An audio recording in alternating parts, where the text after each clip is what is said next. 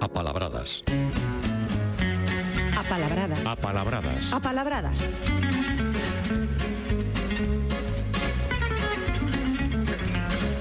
Non hai dúbida de en que sección do programa estamos, quedou ben claro, non? Apalabradas con Paulino Novo o noso lingüista e filólogo de referencia aquí no Galicia por diante fin de semana. Hola, Paulino, eh, como estás? Hola, sempre agradecido por esas palabras exageradas, pero, bueno, pero... Exageradas eh, non eh, meterás os títulos, Paulino, por aí garrados. Pero é un, é un placer, como sempre, estar outro sábado contigo. O mesmo digo, Paulino. Bueno, imos, imos meternos no, no asunto porque hai moito que falar aquí. Oxe, oxe, hoxe nos medios de comunicación falamos de autovías e autoestradas. E xa quedan poucos camiños, e menos camiños dos que antes había que se afundían. Para estes camiños hai dúas palabras. Eh, bueno, din, dinos ti, dinos ti as palabras. Sí, imos falar, claro. Cando, cando falamos desto, recupero palabras, digo, bueno, estas palabras, claro, como ti dis, falamos de autovías, falamos de autoestradas, e de camiños ou camiños como os que traio hoxe dúas palabras para eses que ian afundidos, eh, que eran camiños que, que nos que cabía malamente un carro e que estaban e que estaban afundidos con, con, con beiras de, de pedra ou de terra, non? Uh -huh. E casi non existen, entón as palabras foron feitas para designar algo, e cando ese algo deixa de existir, pois as palabras sigan morrendo tamén. Pero, bueno, inda que inda quedan algúns camiños destes estreitos e afundidos. E temos dúas palabras que son as que recupero hoxe para, para falar delas. Unha é corgo, corgo ou corga, e outra é congostra. Uh -huh eh, a corga ou corgo é, é a palabra que se toma do latín, en latín, corrugus, que é a palabra da que ven, era, era unha canle para lavar os minerais das minas. Eh? E se te das conta e coñeciches algún camiño destes estreitos e afundidos pois normalmente tamén estaban enlamados e levaban tamén moita, moita auga no inverno, non? Entón, é fácil que dese significado que tiña en latín pois chegara ao, ao noso significado, non? E está incluso na toponimia, o Concello Corgo, en Lugo, non? Sí. En portugués teñen o córrigo, ou corgo tamén, e corca. E no castelán hai a mesma palabra, pero para designar un, eh, eh, algo parecido ao que designaba en latín, para designar unha canle. E é unha palabra que está, eh, está registrada en Cantabria, en Burgos, que é cuérnago. Eh? Uh -huh. E en galego, o corgo ou a corga, ademais de designar este camiño estreito, tamén designaba algo parecido ao do latín, un estanque con auga para meter o liño para amolecer, ou tamén un lugar enlamado. E a outra palabra é congostra. En portugués congosta, en castelán tamén hai congosto. Eh, e é unha palabra que está relacionada coa nosa angustia, porque ven de opresión. Uh -huh. Ven dun, eh, dun verbo latino que é angre, a través dun derivado que pode ser angustus, eh, de onde temos angosto, non? Estreito, apertado, incluso escaso, ou de congustos que tamén tiñan o mesmo significado. Eh, pero, bueno, a orixe está nese verbo latino que significaba apertar, oprimir, porque ao final ese camiño afundido e estreito estaba apertado chan e estaba constreñido tamén polas, polas beiras, non? É curioso como é a palabra que relacionamos, como acabo de dicir, con angustia. Angustia é mellor que anguria, eh? O de anguria é medio, medio invento que creo que xa explicamos en alguna, en alguna ocasión. E incluso con outra palabra que é a congoxa, que é tamén un sentimento de sufrimento ante un posible perigo ou unha desgraza, e tamén un sufrimento moral, unha aflición. Eh? Mm. Entón, mira como coinciden eses, esas palabras para denominar unha opresión que non é física, é un camiño estreito que se afundera, que se vai, que se vai afundindo según van pasando os carros e as persoas por el. O ese curioso, cando falabas dos corvos, eh, ti ben sabes que eu son máis ben da, da, da zona sur tirando tirando a esquerda. Eh, e ali hai moitos camiños, especialmente entre, os, entre as viñas. Hai moitos camiños dese tipo, non? Que están, é onde están as mellores mouras. Ah, pode Sabes? ser, pode sí, ser. Sí. Entón, sí. ese, ese tipo de camiños coñezos moi ben, porque eu cando era pequeno, no verán metíamos unhas enchentes de, de, de, de mouras que era unha auténtica barbaridade. E as mellores estaban aí. Eh, por, o, por o meu lado tamén facíamos o mesmo.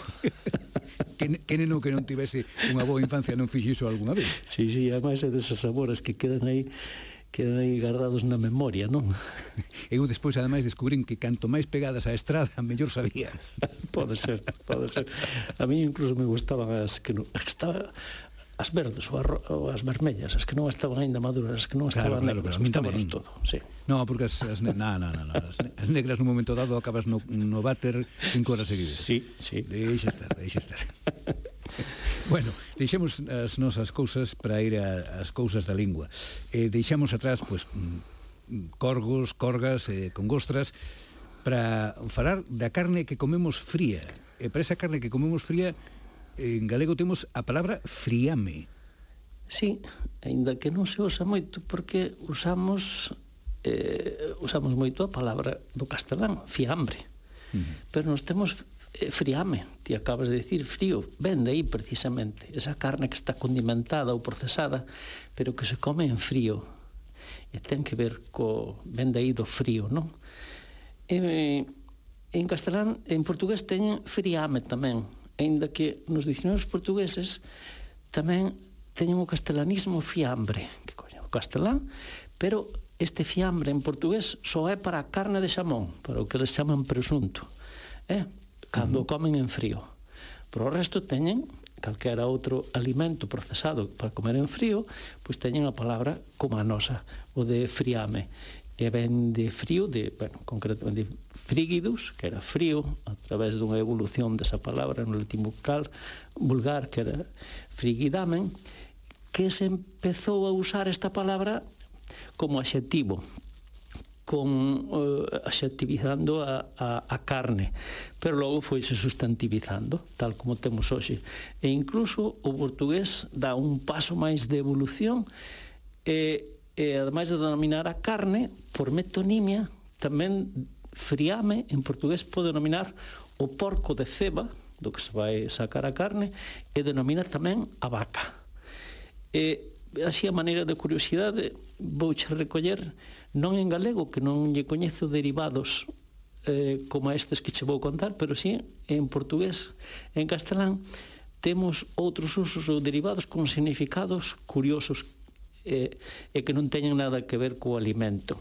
En portugués chamanlle afiambrado a unha persoa vestida con elegancia ou con, ou con afectación ou incluso tamén de maneira ridícula. E en castelán, fiambre, todos sabemos tamén que denomina un cadáver. Sí. E tamén denomina unha noticia que perdeu actualidade ou oportunidade. E en América é, é un posto no que se venden alimentos fritos, que supoño que previamente venderían eh, friames, pero coa evolución nos dicionarios no, no de americanismos, ven o sitio onde se venden alimentos fritos. Teño que buscalo no, no bueno, en algún libro que fala de historia da dobraxe, pero eu creo con, con bastante certeza que fiambre foi unha das palabras que se introduciu a través da dobraxe eh, pois nos inicios da, das películas dobradas en España, porque hai, hai moitas palabras como, por exemplo, eh, eu que sei, refrigerador, que sí. ninguén utiliza na fala normal, pero e nas películas... nas dobraxes. Claro, porque polo axuste da, da, das sílabas da palabra a, ao movimento dos, claro. dos labios, pois entonces metíase. E con fiambre, seguramente, pois quero pensar que mira, había Dead mira. Man, non? home sí, morto, sí, sí, sí, e medían sí, sí. fiambre que lle cadra niquelado. ¿no? Eh, exactamente, igual que os poetas miden as palabras que teñen que ter a sílaba e a terminación e tal, os dobradores facían esas trampas tamén, según vos conviña. E todo ten explicación. Uh -huh. Sí, seguro, pois pues, eu estou case convencido. Está ben, non o sabía, Carlos, interesante creo, eh, non, non son capaz ahora de afirmarse o 100%, pero sí con, xa che digo, con bastante certeza. Bueno, e imos con outro asunto que, cando estamos chegando ao final do, do tempo do Apalabradas, pois eh, xa nos poñemos aquí firmes todos para escuitar a palabra pouco usada que imos rescatar aquí, no, na voz de Paulino. Así que hoxe traes unha que case nada máis que utilizan os poetas. Case, case, son os poetas, sí. Non un pouco medo esta, esta palabra. Eh, eh no, no, tides, no. Que é bon, tides que é bonita, pero... É, é bonita, porque asociamos o poético ao bonito tamén, non? E ti porque lle tes cariño a todas? Non, eh, eh, eh, no, no, hai algúas que non me gustan, eh? hai algúas que non me gustan. Pero bueno, sí, pero teño tendencia a que me sí, callan sí, simpáticas. Sí, sí, sí, claro, é normal. Pero bueno, a de hoxe, ademais é eufónica, súa ben, é señardade. Eh? Señardade é unha especie de suidade, pero cando ven con pena, unha pena angustiosa, profunda, tamén é unha nostalgia, pero a nostalgia da que doi, da que doi por dentro é un pouquiño a outras palabras que coñecemos e que tamén son poéticas, como soidade, como morriña ou saudade, inda que saudade, para casi este mesmo sentimento, é, é máis é, usada en, Portu en Portugal. Quen queira saber eh, profundizar neste tema, pois Aquilino Iglesias Alvariño, Fernández de la Vega ou Ramón Piñeiro trataron este tema con algo de profundidade. Eh, dicía que saudade era a palabra máis usada en Portugal. E, de feito, eh, o saudosismo é un movimento literario liderado por Teixeira de Pascuais. Eh, e, tra e tratábano da mesma maneira que os nosos que nosos moitos poetas trataron tamén este sentimento poéticamente. De feito, Aquilino Iglesias Alvariño, que acabo de, de mencionar, o seu primeiro libro de poemas é Señardá eh, que é un libro de sonetos do ano 1930. E curiosamente, ou non tan curiosamente, Aquilino carteábase, tiña, tiña moita relación co portugués Teixeira de Pascoais. E non só tiñan relación entre eles, senón que Aquilino despois eh, mandaba e escribíase tamén con Crescente Vega, por exemplo, e contaba as cousas que falaba con, co, co portugués. Era un dobre xente. En, en todo caso, señardá, ou señardade para Aquilino pois era un pouquiño como o saudosismo pateixeira de pateixeira de Pascuais. É unha palabra, eu creo que señardade é eh, prácticamente galega, aínda que en asturiano teñen tamén señardá, señ señaldá e señerdá. E tamén en Zamora eh, se registra esta palabra, pero en todo caso é, é desta zona noroeste. E é unha palabra eh, que nos leva eh, a algo Ah, uh, ten a mesma orixe de sinxelo. Levanos a síngulos no, eh, co significado de un só, solitario. Cando está só e botas de menos outros, como nestes tempos de illamento social, non? Sí. Pois está só, entón parece que che entra morriña de, de, de, aquilo que perdiches. Entrache a señardade, non? E desa mesma orixe, que viría dun latín vulgar singelus, temos outra palabra que é senlleiro, ten a mesma orixe que usamos tamén ten un significado de sen, sen compaña, só, pero usamos sobre todo no sentido de singular, eh, que non hai nada como a él, pero non hai nada como a él no sentido bo, é unha persoa ou é algo senlleiro, é único, non? Eh, sobresae por ser único. Entón, senlleiro e señardade teñen a mesma orixe, estar só, eh?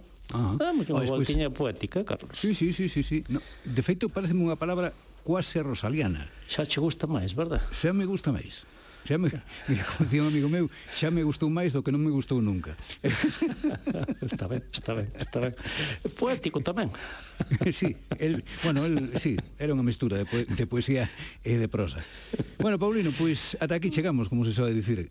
Así que teñas unha feliz fin de semana. Igualmente. Eh, eh, oímonos dentro de sete días. Igualmente, un saúdo. Chao, amigo.